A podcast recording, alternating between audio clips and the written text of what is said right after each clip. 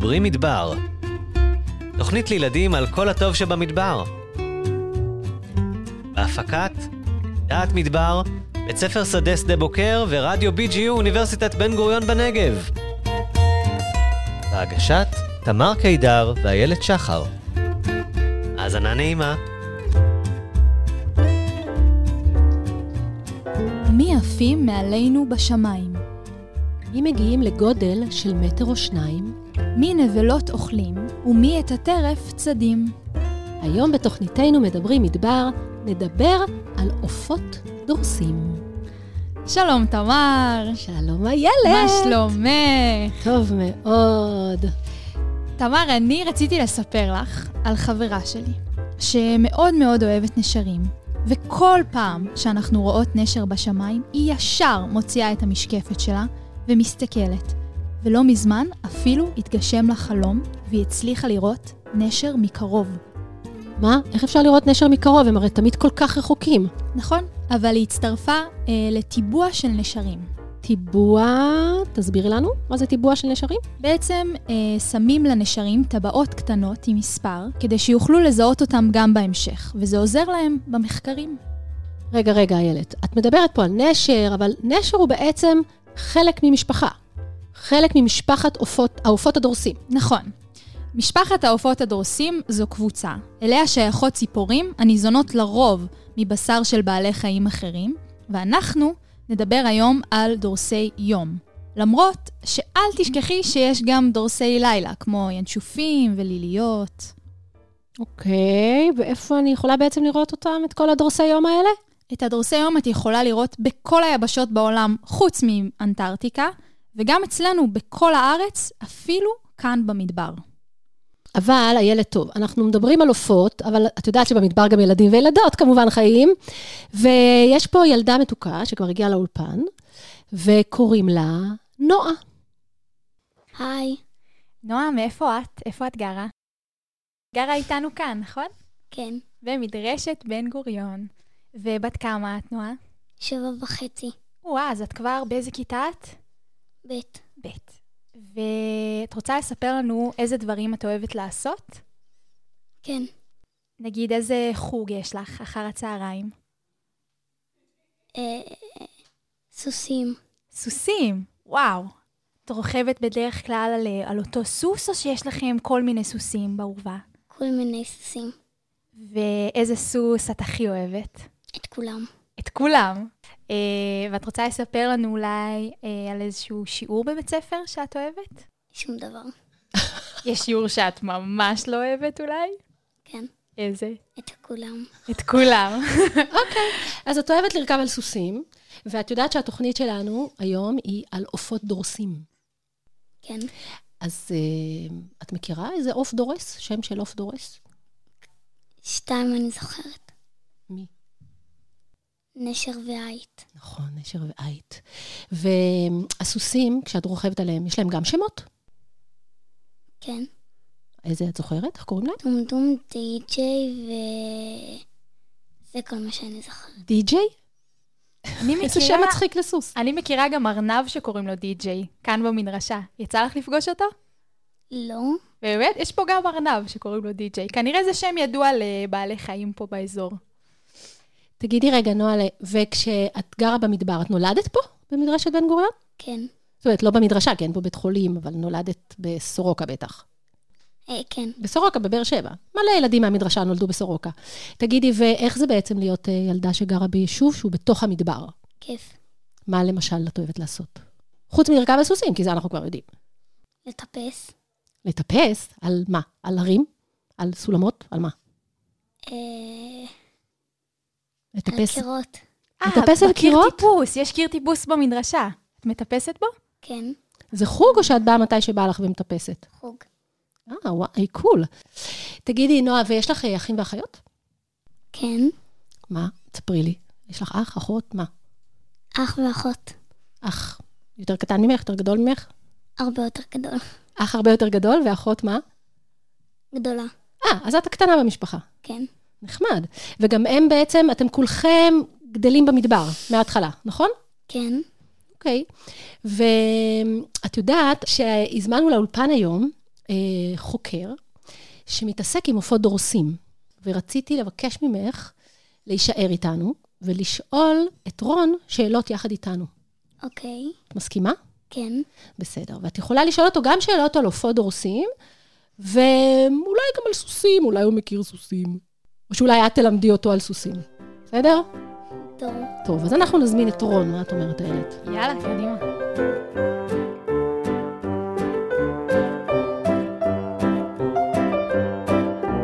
הזמנתי לאולפן את רון אפרת, דוקטורנט במעבדה להתנהגות בעלי חיים ושמירת טבע, בקמפוס שדה בוקר של אוניברסיטת בן גוריון. שלום לך, רון. שלום, שלום, כיף להיות פה.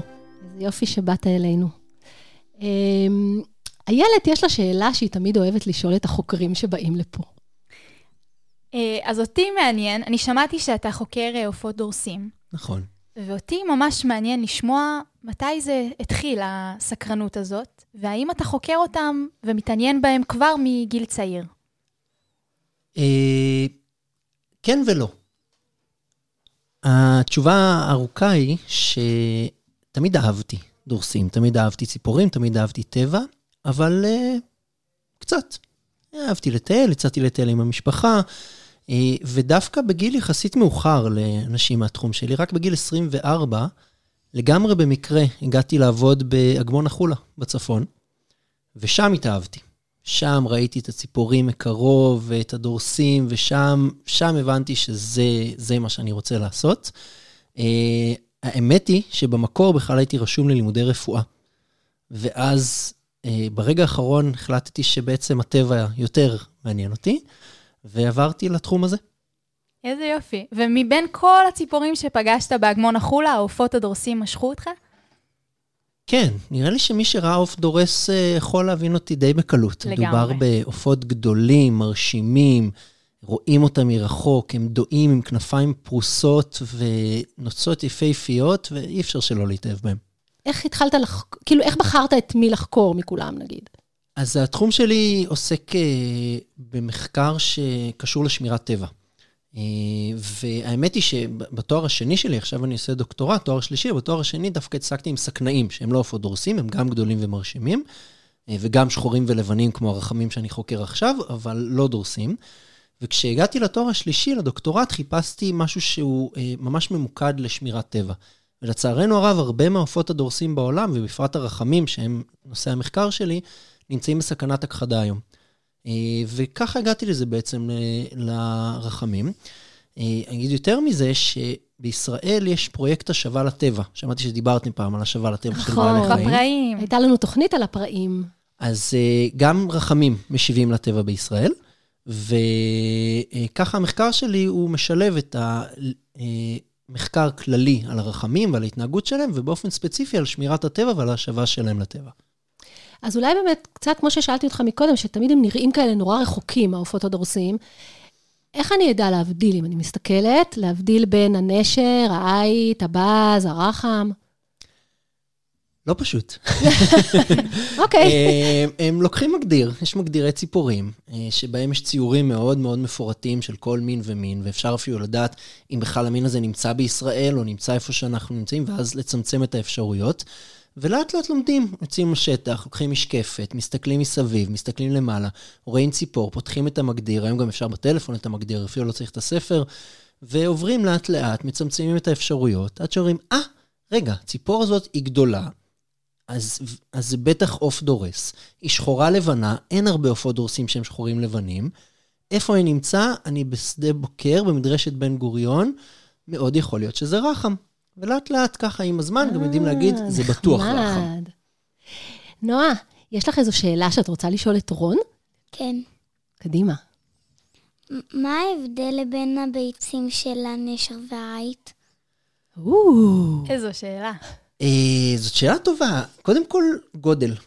את יודעת שנשר הוא העוף הדורס הכי גדול בארץ?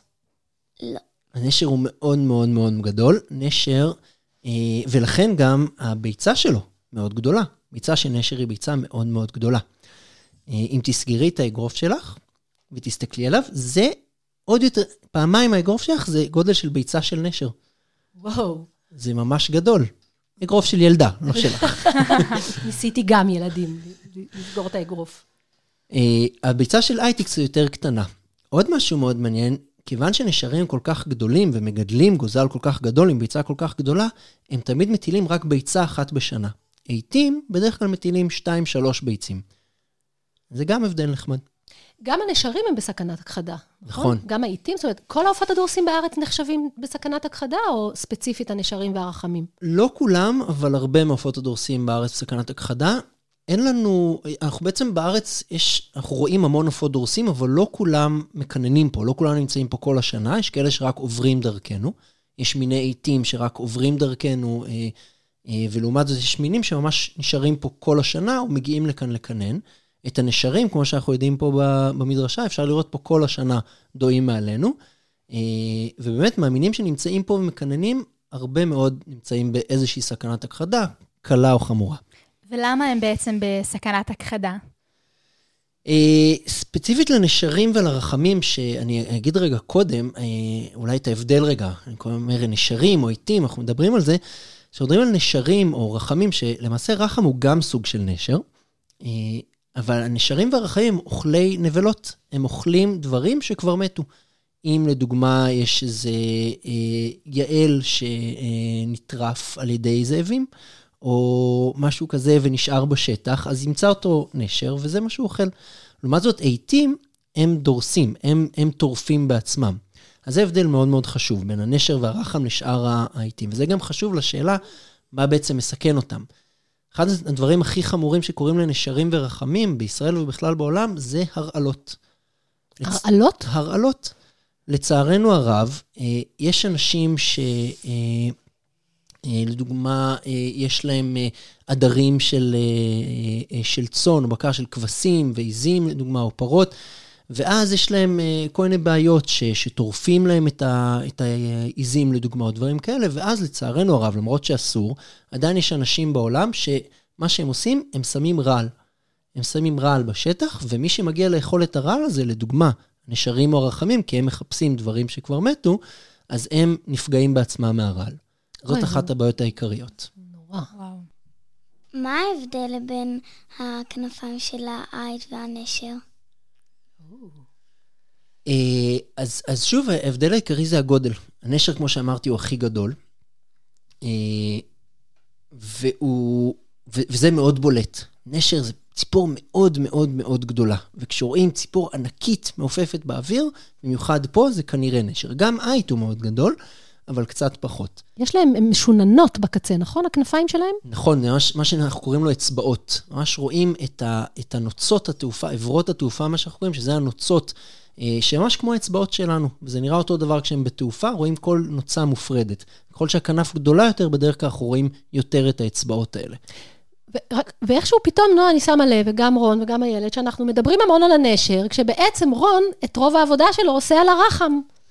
אז תספר לנו גם קצת על הרחם.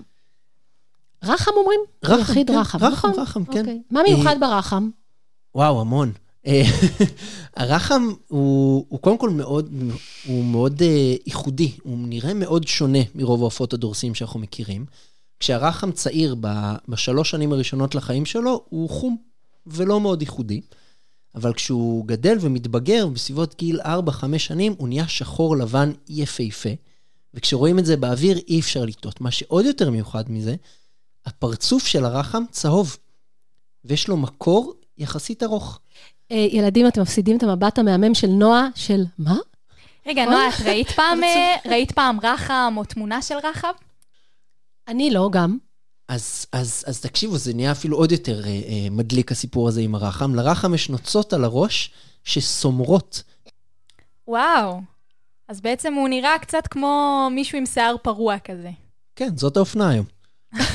אופנת הרחמים. אז אוקיי, אז הוא ככה מסתובב כל הזמן, ומה סגרנו? הוא טורף או הוא דורס, או הוא אוכל נבלות או דורס? אז הרחם הוא אוכל נבלות בעיקרו, הוא כן דורס לפעמים, לעתים רחוקות דברים קטנים, אה, חרדונים, אה, אולי אפילו איזה יונה, אבל אה, דברים, רק דברים רגע, הוא מאוד פשוט קטנים. דואה לו למעלה, ואז הוא קולט אותו, את החרדון? קולט החרדון למטה על האדמה, ואז הוא, אמרנו, את השלק הזה, ואז הוא יורד ותופס אותו? משהו כזה. אוקיי, אז הוא רואה מעולה. הוא רואה מעולה, האמת היא שמי שבאמת רואה מעולה, אה, אלה לא רק רחמים, אלא כל העופות הדורסים, במיוחד העיתים, שרואים מגובה מאוד מאוד גבוה דברים מאוד קטנים, בעיקר רואים תזוזה. כל תזוזה, ישר הם קופצים ואומרים, רגע, מה זה שם? אולי משהו מעניין? ואז הם יכולים לרדת ולדרוס אותו.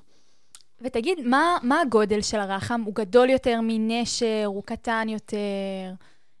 אז אם אמרנו שנשר הוא הכי גדול, הוא נשר אה, שוקל אה, מעל שישה קילו, יש לו מוטת כנפיים, האורך של הכנפיים שלו מקצה לקצה היא אה, כשלושה מטרים, אז הרחם הוא הרבה יותר קטן. הרחם שוקל עד שני קילוגרם, ומוטת הכנפיים שלו היא בערך מטר וחצי.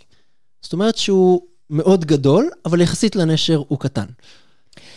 Uh, האמת שנראה לי שאנחנו צריכים לסיים, כי יש לנו ככה עוד אורחים שצריכים להגיע לאולפן, אז, אבל אני מנסה להבין, איזה עבודה מדליקה יש לך? אתה קם בבוקר ופשוט הולך ומשקיף על רחמים, וחוק, ו, ובודק את האורח חיים שלהם? זה מה שאתה עושה? הלוואי. אוקיי. אה, אני, אני, כן, הרבה מהימים שלי אה, נראים ככה, בגדול, אבל אני אספר בקצרה, כי אני מבין שנגמר לנו הזמן. אני עובד עם uh, uh, משדרים, משדרים בעצם uh, מכשירים, מכשירים קטנים, שאני uh, רותם אותם עם רתמה, קושר אותם בעצם לרחמים, והם מספרים לי בכל רגע או כל שעה איפה הרחם נמצא.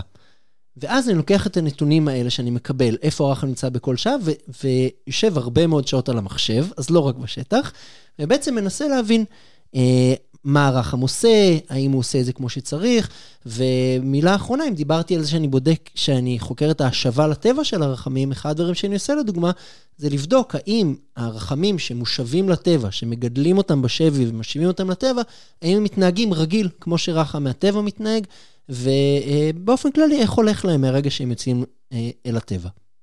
מרתק, אבל הם לא רק במדבר, נכון? זה כדאי שנגיד, יש רחמים בכל הארץ.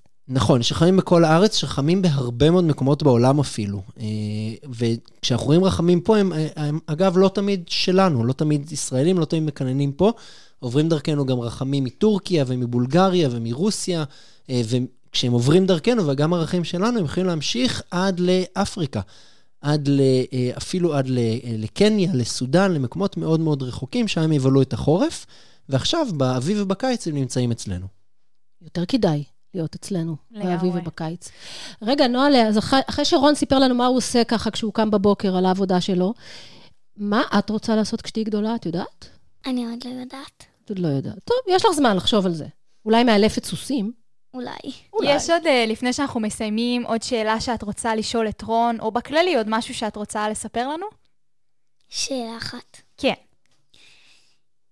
אם, אם יש נשר כאן במדרשה, ו, ובארצות, ונגיד בארצות הברית, אז הם אותו, אז הם אותו סוג או... שאלה מצוינת. אה, יש לנו 23 מינים של נשרים בעולם, אה, והאמת היא, יש כל מיני הבדלים. בעיקר ההבדלים האלה הם איפה הם חיים ומה הם אוכלים. יש לדוגמה מיני נשרים שמקננים על עצים, ויש כאלה כמו שלנו, כמו הנשר פה והרחם שמקננים על מצוקים. יש אה, נשרים שאוכלים חתיכות אה, מאוד גדולות, ויש את הרחמים לדוגמה, או מינים אחרים, שממש ילכו לדברים הקטנים קטנים אה, שנשארו בסוף. יש להם גדלים שונים, מהרחם, נכון אמרנו שהרחם הוא קטן והנשר הוא מאוד גדול, אז יש עוד כל מיני גדלים של נשרים בעולם, ויש אפילו נשר אחד באפריקה, שהוא נקרא נשר, למרות שהוא כנראה לא ממש נשר, שאוכל תמרים. תמרים. כן. מה זאת אומרת? אז לא- הוא לא אוכל נבלות? לא, הוא לא... לא. אבל תמרים לא זזים, איך הוא מזהה אותם? כדי לתפוס אותם. הוא מזהה את העצים.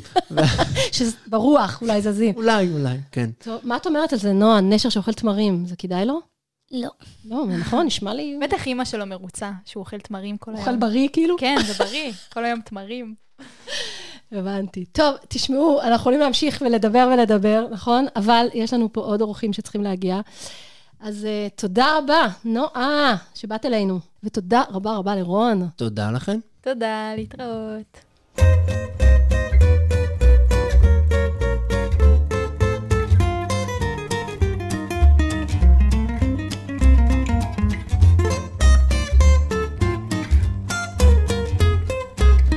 איילת, דיברנו עם אה, רון, החוקר הנחמד, אה, על נשרים, על רחמים, ואת יודעת שיש להם חוש ראייה מצוין, אני חושבת שגם רון אה, אמ- סיפר לך את זה, וגם לאלה שחיים בג'ונגלים של אמריקה, יש גם חוש ריח מפותח, שעוזר להם, אלה שאוכלי נבלות, עוזר להם.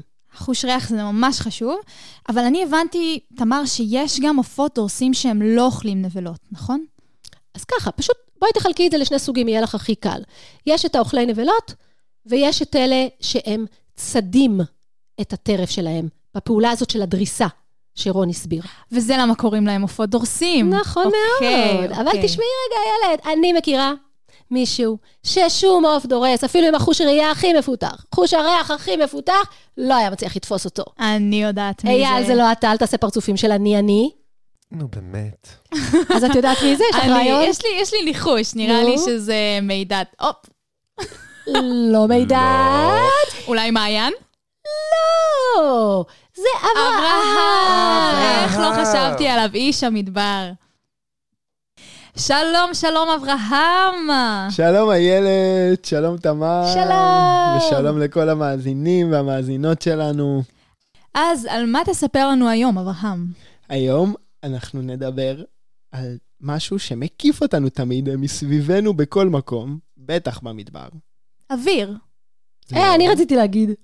אה, אה, מים? לא, מים זה לא... זה לא מקיף מקום. אותנו פה. אה, קירות? חול? חול. כמעט חול, כמעט. סופות קרובה? חול- סופות אבק בעצם, זה לא לא, חול. אנחנו היום נדבר על אבנים. אבנים. אבנים? מה זה קשור למיומנות שטח? אז אנחנו כבר נשמע. דבר ראשון, ולפני הכל, הכי חשוב זה הבטיחות שלנו. כשאנחנו מתעסקים עם אבנים בטבע ומזיזים אותן, צריך לעשות זאת בזהירות ובטיחות. אז חשוב מאוד להיות עם מכנסיים ארוכים ועם נעליים סגורות, בעיקר כדי להגן על עצמנו מבעלי חיים שאולי ייבהלו כשנרים את האבן ויצאו החוצה לכיווננו. את האבן אנחנו נרים לאט ובזהירות, כשאנחנו מגלגלים אותה לכיווננו, כך שהחלק שנחשף לאור יהיה רחוק מאיתנו. למה? אם יש חיה מתחת לאבן, נחש או עקרב למשל, היא תצא מיד לכיוון האור, כלומר מאיתנו והלאה, ותתרחק מאיתנו. Mm, ואז היא לא תוכל להתקרב אלינו. בדיוק. אבל רגע, איזה חיות יכולות לצאת מתחת לאבנים? אז אמרתי, נחשים, עקרבים, לפעמים יש כל מיני חיפושיות, אוי, אז זה קצת מפחיד חיות להרים מאוד מאוד אבנים. קטנות שאנחנו אפילו קשה מאוד לראות בעין, כל מיני חיות. זה קצת מפחיד אותי להרים את האבן, מה אם יצא נחש? אמ, זה באמת קצת מפחיד. אני אגיד שלרוב בעלי חיים הם לא יחפשו לפגוע בנו, רק אם אנחנו נבהיל אותם. למשל, אם אנחנו צריכים להרים אבן זה אולי יבהיל אותם, ולכן אנחנו עושים את זה בזהירות, כמו שהסברתי, כדי שגם אם uh, הם ייבהלו ואולי ירצו לפגוע בנו, אז אנחנו עושים את זה בצורה בטוחה. חוץ מלשמור על עצמנו, כשאנחנו מתעסקים עם אבנים, אנחנו רוצים לשמור גם על הטבע והסביבה שלנו. יש מין מנהג כזה, אולי אתן מכירות, כשעושים מדורה, להקיף אותה באבנים. נכון, ברור, עושים כולם את זה? עושים את זה. אתן יודעות למה עושים את זה? לא. כדי שלא יהיה רוח לאש אולי? כדי להניח דברים מעל? אוקיי, אז באמת, בדרך כלל עושים את זה כדי שהאש לא תתפשט ולא תהיה שריפה. אבל בגלל שאנחנו נמצאים במדבר, אז ממש אין סיבה לעשות מעגל מסביב למדורה שלנו, של אבנים. כי האבנים בעצם נהיות שחורות, וזה סימן שנשאר בטבע למלא מלא מלא שנים, ואנחנו רוצים להשאיר את הטבע כמו שאנחנו אוהבים אותו וכמו שאנחנו מכירים אותו, ולהשתדל כמה שפחות להשאיר סימנים אחרינו. אנחנו לפעמים כן נרצה להשתמש באבנים במדורה, אני כבר אסביר איך, ואם אנחנו בכל זאת משתמשים, אז בתוך הבור של המדורה שלנו, אנחנו נקבור גם את האבנים ונכסה, ואז ככה לא נשאיר אחרינו סימנים. אחרי שלמדנו קצת איך נשמרים כשאנחנו מתעסקים עם האבנים וגם איך שומרים על הסביבה, אז אני אספר איך אנחנו יכולים להיעזר בהן. אפשר למשל להכין קירה לבישול מאבנים. כשאנחנו עושים מדורה, ואנחנו רוצים להניח את הסיר על המדורה, אז כדי לא להניח אותו ישירות על האש, במיוחד כדי שלא יהיה יותר מדי חום והאוכל למטה יישרף, אז אפשר לבנות קירה מאבנים. רגע, אבל אמרת עכשיו שזה ישחיר אותן, את האבנים. אז אנחנו באמת משתדלים שלא, ובמידת הצורך, אם כן, אנחנו בכל זאת נעשה את זה, אבל עדיין נשתדל לא להשאיר אחרינו סימנים. אפשר אולי גם לחפש אבנים שהם כבר הושחרו. זה ואז, הכי אה, טוב, כמו שגם כשאמרנו, כשדיברנו על הדלקת מדורה, שאנחנו תמיד נחפש את המקום שכבר יש נכון. צלקת, את זוכרת שקראנו לזה צלקת, איפה שכבר עשו מדורה? נכון. אז בטח, איילת, לגמרי. אנחנו, אם יש אבנים שחורות, נשתמש בהן, ואם לא, אז נשתמש באבנים שאנחנו צריכים ונקבור אותן כדי לא להשאיר סימנים. אז מה זה, מה, איך לבנות קירה? נגיד אני לוקחת ארבע אבנים, מסדרת אותן אחת ליד השנייה, ועליהן מניחה את הסיר? מספיק אפילו שתי אבנים, שהן מספיק אה, גדולות ושטוחות, מניחים אותן במרחק של בערך 20 סנטימטר אחת מהשנייה, וככה עליהן יוכל לשבת הסיר בצורה נוחה, והאש תהיה מתחת, וזהו, יש לנו קירה לבישול על מדורה. אחלה רעיון. עוד דבר, שכבר אלפי שנים משתמשים אה, בשבילו באבנים, זה סימון שבילים. נכון. יצא לך לטייל, תמר, ולראות סימוני שבילים על אבנים? ברור, גם היה לנו פרק בעונה הראשונה, פרק מספר 4 על הדרכים, ושם דיברנו על הטומולי, נכון? שבונים את זה מאבנים, נכון. וגם על אה, רוג'ום. מעולה. אז היום את סימון השבילים עושים על אבנים, אבל אני דווקא רציתי לדבר על מה שתמר הזכירה, על הרוג'ום. רוג'ום זה בדרך כלל שלוש אבנים שמונחות אחת על השנייה, וכשאנחנו מטיילים על שבילים עתיקים שהלכו בהם המון אנשים, הרבה פעמים הוא גם יהיה פשוט ערימה של אבנים, שכל מי שעבר בדרך זרק אבן. והשתמשו באבנים האלה כדי לסמל את הדרך, ושאנשים ידעו שהם בדרך הנכונה. בדרך כלל אנחנו נמצא את הרוג'ום במקומות שהם בולטים, כמו נגיד אוכף בין שתי כיפות, בין שני הערים. אה, וכל פעם שאני הולך על השביל במדבר ואני רואה רוג'ום, איזה שמחה. אני יודע שאני בדרך הנכונה. בימינו, אנחנו כבר לא מסמנים שבילים עם uh, רוג'ומים, אבל אם בכל זאת אתם מרגישים צורך מסיבה כזאת או אחרת לסמן את השביל עם רוג'ום, אז תזכרו שאנחנו בונים רוג'ום רק במקום שאנחנו חייבים. אנחנו לא רוצים לבנות רוג'ומים ככה סתם, כי לשלושת האבנים האלה שמונחות אחת על השנייה יש משמעות. עוד שימוש אחרון שאנחנו יכולים לעשות באבנים, לא אחרון, אני בטוח שאפשר לחשוב על עוד דברים, אבל אחרון שנזכיר היום לפחות, זה לבנות מחסה מאבנים. מחסה. כן, אני אזכיר לך עכשיו, איילת, את זוכרת שבפרק הקודם, אז אמרנו שאנחנו יכולים לקחת איתנו נכון. יריעת ניילון לטיול. נכון, דיברנו על ניילון שאפשר להתכסות עליו מהגשם, ועדיין לא הבנו כל כך איך משתמשים בו. מעולה. אז אם יש לנו ניילון כזה, אנחנו יכולים להשתמש באבנים שנמצאות בשטח כדי לבנות מחסה. אנחנו נבנה חומה נמוכה מאבנים, שהחומה היא צריכה להיות באורך של הגוף שלנו, כדי שנוכל לבנות את המחסה מעל כל הגוף. את החורים בין האבנים אנחנו יכולים לסתום עם אבנים קצת יותר קטנות, כדי שכמה שפחות רוח תיכנס פנימה. אחרי שסיימנו לבנות את החומה, היא צריכה להיות בערך בגובה של חצי מטר, משהו כזה.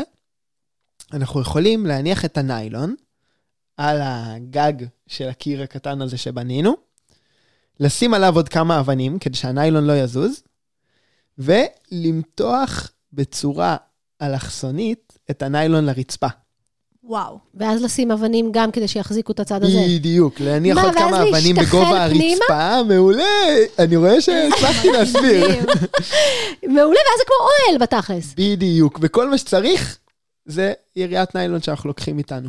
ואולי שווה גם. לעשות את זה ליד ההורים, ולשים לב שלא ייפלו עלינו אבנים בלילה. לשים ככה את האבנים יציבות, ולדאוג לבנות את זה ביחד עם ההורים. זה ממש חשוב. ואני אגיד דבר אחרון לגבי המחסה. כשאנחנו קמים בבוקר ומתחילים לטייל, יש לכם רעיון מה נעשה? נחזיר את האבנים למקום? בדיוק, נפזר אותם. כי כמו שכבר אמרנו, אנחנו אוהבים, אני לפחות ממש אוהב, להגיע למקומות ולהרגיש כאילו אני הראשון שמטייל שם. זה נותן הרגשה מאוד נעימה, שאין סימנים של אנשים אחריהם, אז גם את הערימות אבנים לפזר, זה יהיה מעולה. פש, למדנו היום משהו חדש. לגמרי. הרבה דברים חדשים. נכון. אה, אברהם, רגע, לפני שאתה הולך, אולי אתה מטייל מלא, אז אולי תיתן לנו איזו המלצה לאיזה טיול ככה. איזה קטע שאת שואלת. היום, בדיוק לפני שבאתי, הייתי עם כמה חברים במקום שנקרא בורות רמליה. גם אני הייתי שם השבוע. נו, איזה מקום מגניב. וואו, במיוחד עכשיו הייתי בערב, שיש את, ה, יש את הש, השעה הכי יפה ביממה. נכון? מדהים, מתי היית מדהים. שם? אז אני הייתי בצהריים, כי רצינו להיכנס למים, אז uh, הלכנו כשהיה עוד קצת שמש בחוץ. הגענו מהכיוון של העיר עובדת, ונכנסנו פנימה, הגענו לבורות, אפשר למצוא אותם, הם אה, מסומנים יש במפה. מים עדיין? יש מים, המים נכנסים לבורות מהשיטפון, מי שבנה אותם, על... וואי, אני יכול לדבר עליה עכשיו שעות, אבל נראה לי נעשה את זה קצר. הבורות נבנו בצורה כזאת שכשיש שיטפון בנחל, המים נכנסים לתוך הבור, ובגלל שהבור הוא חצוב בתוך הסלע, הם גם נשמרים להרבה זמן, אז זה ממש מיוחד. Hmm, אז אני לא, לא הגעתי לשלב הזה של הבורות והמים, רק טיילתי ליד. כן. אה, טוב, אז יאללה, בורות רמליה, זאת ההמלצה שלנו. ממש מומלץ, במיוחד. בימים החמים האלה. ילדים, תביאו את ההורים. אברהם, שוב תודה על זה שאתה מלמד אותנו מיומנויות שטח במדבר, ונראה אותך בתוכניות הבאות. בשמחה, תודה להתראות. לכם. ביי.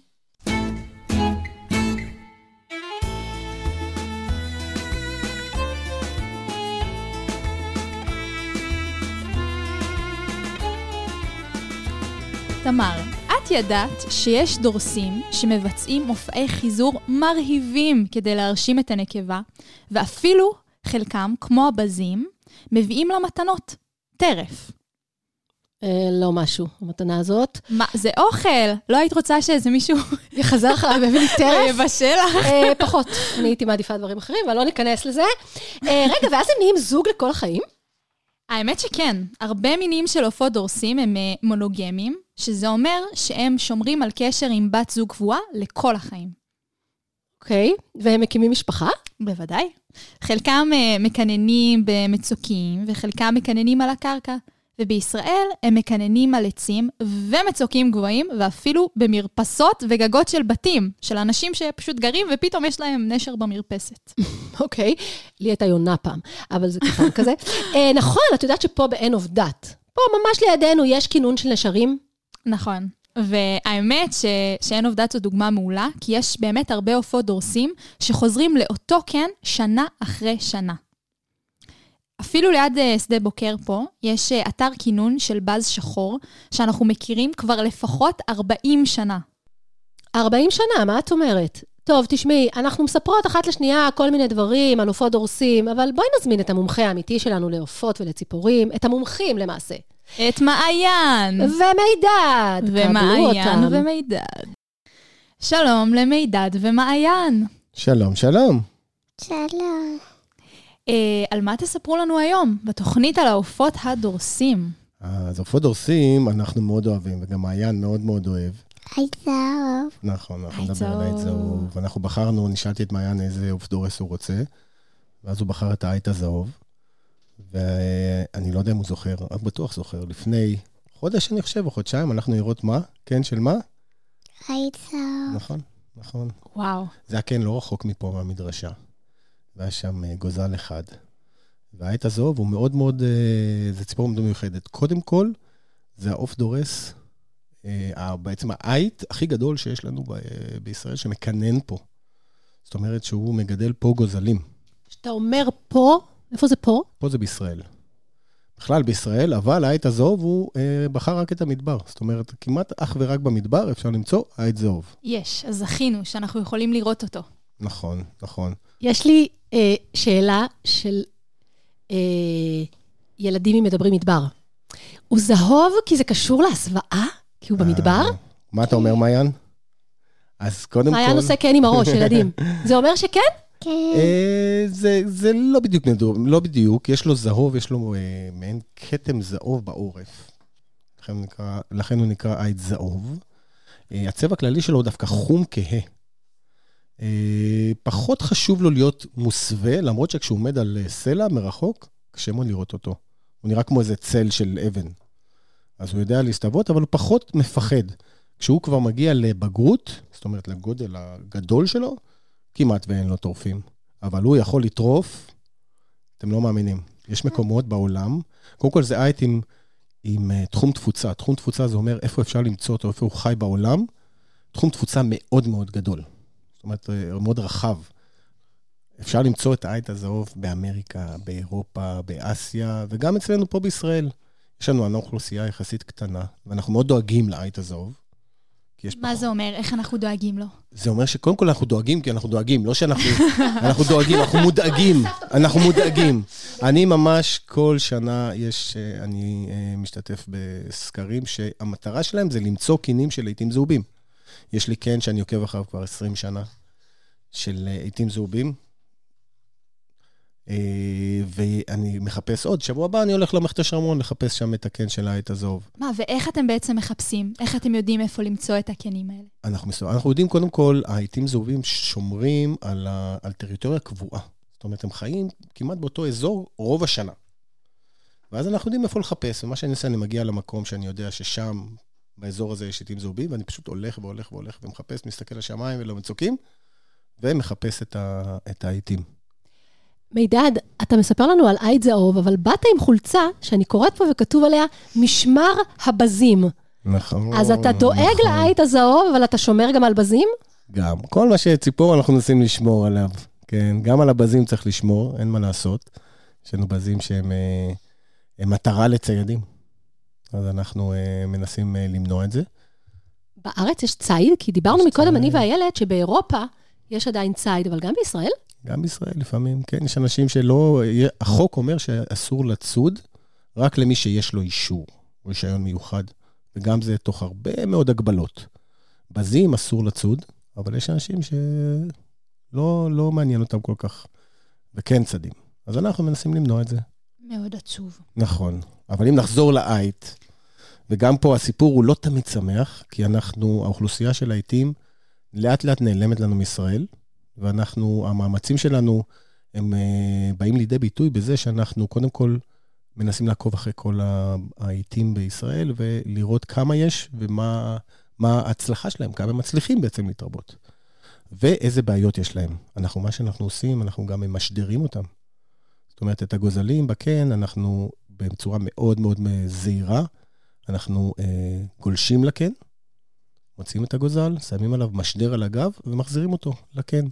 ואתם מצליחים אה, גם לציפורים שהם לא גוזלים, שהם בעצם כבר אה, בוגרות יותר, אתם מצליחים בעצם לתפוס אותם ולשים להם אה, משדרים? זה מאוד קשה, ואנחנו מעדיפים שלא לעשות את זה, כי זה יכול קצת לסכן אותם. אז אנחנו בעיקר רק את הצעירים. מקודם היה, התארח אצלנו חוקר שמתעסק בעיקר, רון, רון אפרת, שמתעסק בעיקר ברחמים, והוא באמת סיפר לנו על הסיפור הזה של המשדרים. ואז זה אותו דבר בעצם, מה שאתם עושים עם הגוזלים של הרחמים, עם הגוזלים של הנשרים ושל העית, כשהם גוזלים, אתם מחברים להם את המשדרים? זה אותו דבר, נכון, זה מאוד דומה. אה, הרחמים הם אה, נודדים, זאת אומרת שהם נודדים קבועים. רוני למד הרבה מאוד ולימד אותנו הרבה מאוד על התנועה של, על הנדידה של הרחמים. העיתים זה קצת סיפור אחר, כי העיתים יותר מסתובבים. אנחנו רואים שהעיתים שמשדרנו בשנים האחרונות פה בנגב, הם מסתובבים פה במרחב, קצת סיני, קצת עולים לכיוון מדבר יהודה, לערבה, אבל מסתובבים. ואנחנו יכולים ממש ללמוד על ההתנהגות שלהם. דרך זה אנחנו גם לומדים איפה, מה הסיכונים, אה, איפה הם מסתובבים ומה הם מעדיפים, ולפעמים גם יכולים ללמוד גם על העדפות ציד שלהם, באיזה אזור הם מסתובבים, ואז אנחנו יכולים להעריך מה הם אוכלים. אנחנו דיברנו על זה שיש, כמה, שיש שני סוגים בעיקר, שהעופות דורסים מתחלקים לשניים. אז העית הזהוב שייך לאיזה סוג? העית הזהוב הוא בעצם מהסוג של העופות הדורסים שניזונים מטרף חי, זאת אומרת, הם צדים. אז יש את הסוג של צדים, כמו עיתים ועקבים ובזים וניצים, ויש את הנשרים והרחמים, אוכלי הפגרים. אז העית הוא לגמרי, הוא עט על הטרף, בגלל זה גם קוראים לו עית, עט על הטרף. ובעצם הבנתי שמעיין, שאתה רצית שנדבר על עית זהוב, יצא לך לראות לאחרונה עית זהוב? כן. באמת? איפה, איפה ראית אותו? עם אבא. עם אבא. נכון, איזה כיף נכון. לכם. הוא היה ממש ממש ממש גדול, ומעיין, מעיין אה, גם שאל אותי מה מיוחד בעית הזהוב, ואני אמרתי לו שהעית הזהוב הוא אחת מהציפורים הכי מהירות בטבע. לאיזה מהירות הוא יכול להגיע? הוא יכול, העית הזהוב, אתה זוכר איזה, כמה הוא מהר? מאוד מאוד מהיר, הוא יכול לצלול כשהוא צולל, זאת אומרת שהוא סוגר את הכנפיים ויורד למטה, ככה עף, ממש כמו אבן, אבל הוא מכוון את עצמו על ידי הכנפיים, הוא יכול להגיע לאזור ה-300 קילומטר לשעה. וואו. מאוד מאוד מהיר, זה הרבה יותר מאוד מהיר. מהיר. נכון, הרבה יותר מהיר מהאוטו של אבא. טוב, מידד ומעיין, תודה רבה שהגעתם לעוד פינה, ושסיפרתם לנו על העית הזהוב המיוחד. בכיף, אנחנו שמחים לבוא. ולהתראות.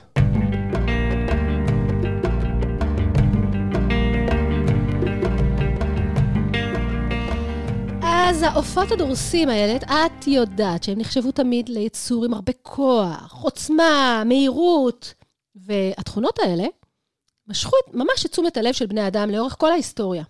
כמו שנועה הזכירה, את הקשר של האמריקאים, שהם משתמשים בעית כסמל לאומי. נכון, ואפילו תדעי לך שהאלים במצרים העתיקה קיבלו דמות של בז.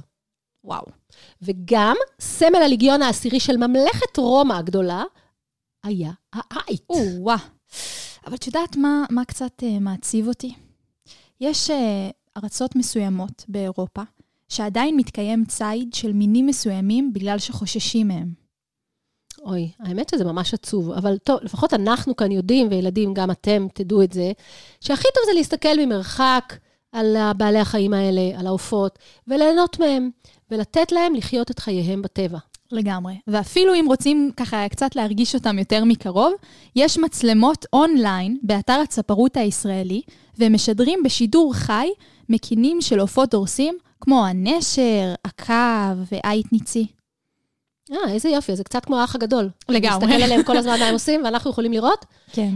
אוקיי, איפה אמרת שזה? אתר הצפרות הישראלי? אתר הצפרות הישראלי, מצלמות אונליין. מקסים, אני כבר נכנסת. כשנצא מפה, אני נכנסת להסתכל. Uh, טוב, חוץ מזה, נראה לי שככה אנחנו מדברות ומדברות, ובלי לשים לב, הגענו לפינת האגדות. איזה כיף. והיום, גיבורי האגדה שלנו הם אנשים וילדים שאת מכירה. מה? מי אלה? מהמם, אני לא אגיד לך, בוזי יספר לך תכף. מעיין, מידד והבז השחור. בשנה שעברה, כאשר מעיין היה כמעט בן חמש, הוא יצא עם אבא מידד לתצפיות על כינון הנשרים בקניון עין עובדת. הנשרים הם העופות הדורסים הגדולים ביותר שמקננים בארץ, והם מעטים, ונמצאים בסכנת הכחדה חמורה. חלק מהעבודה של מידד הוא לעקוב אחרי הנשרים בעונת הכינון שלהם, ולוודא שהכל בסדר איתם. באחר צהריים אחד של חודש אייר, מעיין לקח את המשקפת הקטנה שלו, והתלווה לאבא מידד. הם הגיעו לקניון של עין עובדת. עונת הכינון הייתה בעיצומה, וגוזלי הנשרים היו רעבים ופעלתנים מאוד. בעונה זו יש לשמור על הקינים מכל משמר, על הגוזלים חסרי הישע, מפני טורפים, ועל הנשרים הבוגרים המטפלים בגוזליהם ומאכילים אותם. מידד ומעיין הסתכלו על הקינים עם המשקפות שלהם. זה היה יום חם. הזיעה נטפה ממצחם של מידד ומעיין, טפטפה לתוך העיניים והקשתה על הראייה. גם השמש, שהחלה לשקוע בכיוון מערב, סנוורה את מעיין ואת מידד. אבל צפרים ותיקים כמוהם התגברו על הקשיים. פתאום ראה מעיין, ממש בגובה המצוק, הבזק כנף שחור. אבא, ראית? הבזים השחורים הגיעו. מעייני, ענה מידד, שבדיוק צפה בנשר הורה מביא פיסת בשר לגוזל שלו. הבזים השחורים עדיין לא התחילו את המסע מאפריקה לכאן. אבל אז, שוב ראה מעיין הבזק של כנף שחורה בזווית העין שלו וקרא, אבל אבא, זה בז שחור. מעיין שלי, ענה מידד, זה כנראה שחרור שהגיע לכאן מהגינות של מדרשת בן גוריון. לא, אבא, ענה מעיין, אני מכיר היטב שחרורים. יש לנו שחרורים בגינה במושב. הציפור הזאת יותר גדולה ויותר מהירה משחרור. אה, אז זו ודאי טריסטרמית, אמר מידד. אתה שומע את השריקות של הטריסטרמיות למטה בקניון. בואו נמשיך להתרכז בספירת הפעמים שההורים מאכילים את הגוזלים.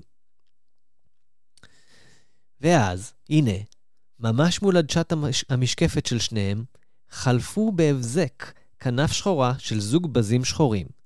הראשונים שהגיעו מאפריקה כדי לקנן במצוקים של עין עובדת. אבא! קרא מעיין. הבזים! מידד ומעיין התרגשו מההפתעה. מעיין שלי, אתה צודק. אני ממש מתנצל בפניך שלא האמנתי לך.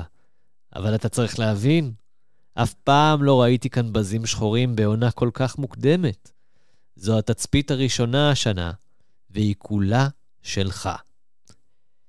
מידד חיבק את מעיין שלו חיבוק ארוך ואוהב. הבזים השחורים באים אלינו מאפריקה אחרי החורף, לפעמים בזוגות או כבודדים, ולקראת הקיץ הם בונים את הקן, הרבה אחרי שאר העופות. ואתם, ילדים, ספרו את הסיפור להוריכם, ותזכירו להם שגם ילדים צעירים יודעים להיות מומחים, ורואים דברים שמבוגרים לפעמים לא רואים.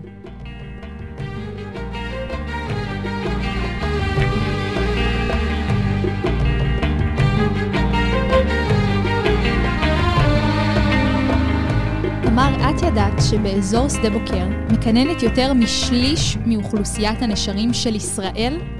או, אנחנו מפורסמים פה בשדה בוקר. לגמרי, וברי וברות מזל. אז אה, בא לך שנלך לראות אותם? טוב, אז אני שנייה עוברת בבית, מביאה משקף, משקפת, ומים. ומים כמובן, כי אנחנו במדבר. אה, טוב, מצוין. אז נראה לי שהגענו לסוף התוכנית היום. להתראות. ביי. כיף שהאזנתם לנו. תודה לצוות התוכנית. מפיקים, תמר קידר ודודו רשתי, מדעת מדבר. עריכה טכנית, דניאל למנסדורף. על המוזיקה המקורית, טל וגנר. מידד גורן, מגיש פינת הטבע. אברהם מילר מבית ספר שדה שדה בוקר, מגיש פינת מיומנויות השטח. צוות המערכת, הגר לשנר, עמרי גלבר ובוזי רביב, מנהל תחנת רדיו BGU. תודה מיוחדת לאבי עטר וזיו שרצר מבית ספר שדה שדה בוקר. פרופסור אוריאל ספריאל ואלי פלג מהאוניברסיטה העברית בירושלים. התוכנית הוקלטה באולפני רדיו BGU באוניברסיטת בן גוריון בנגב. כאן תמר קידר, ואיילת שחר. נתראה בתוכנית הבאה.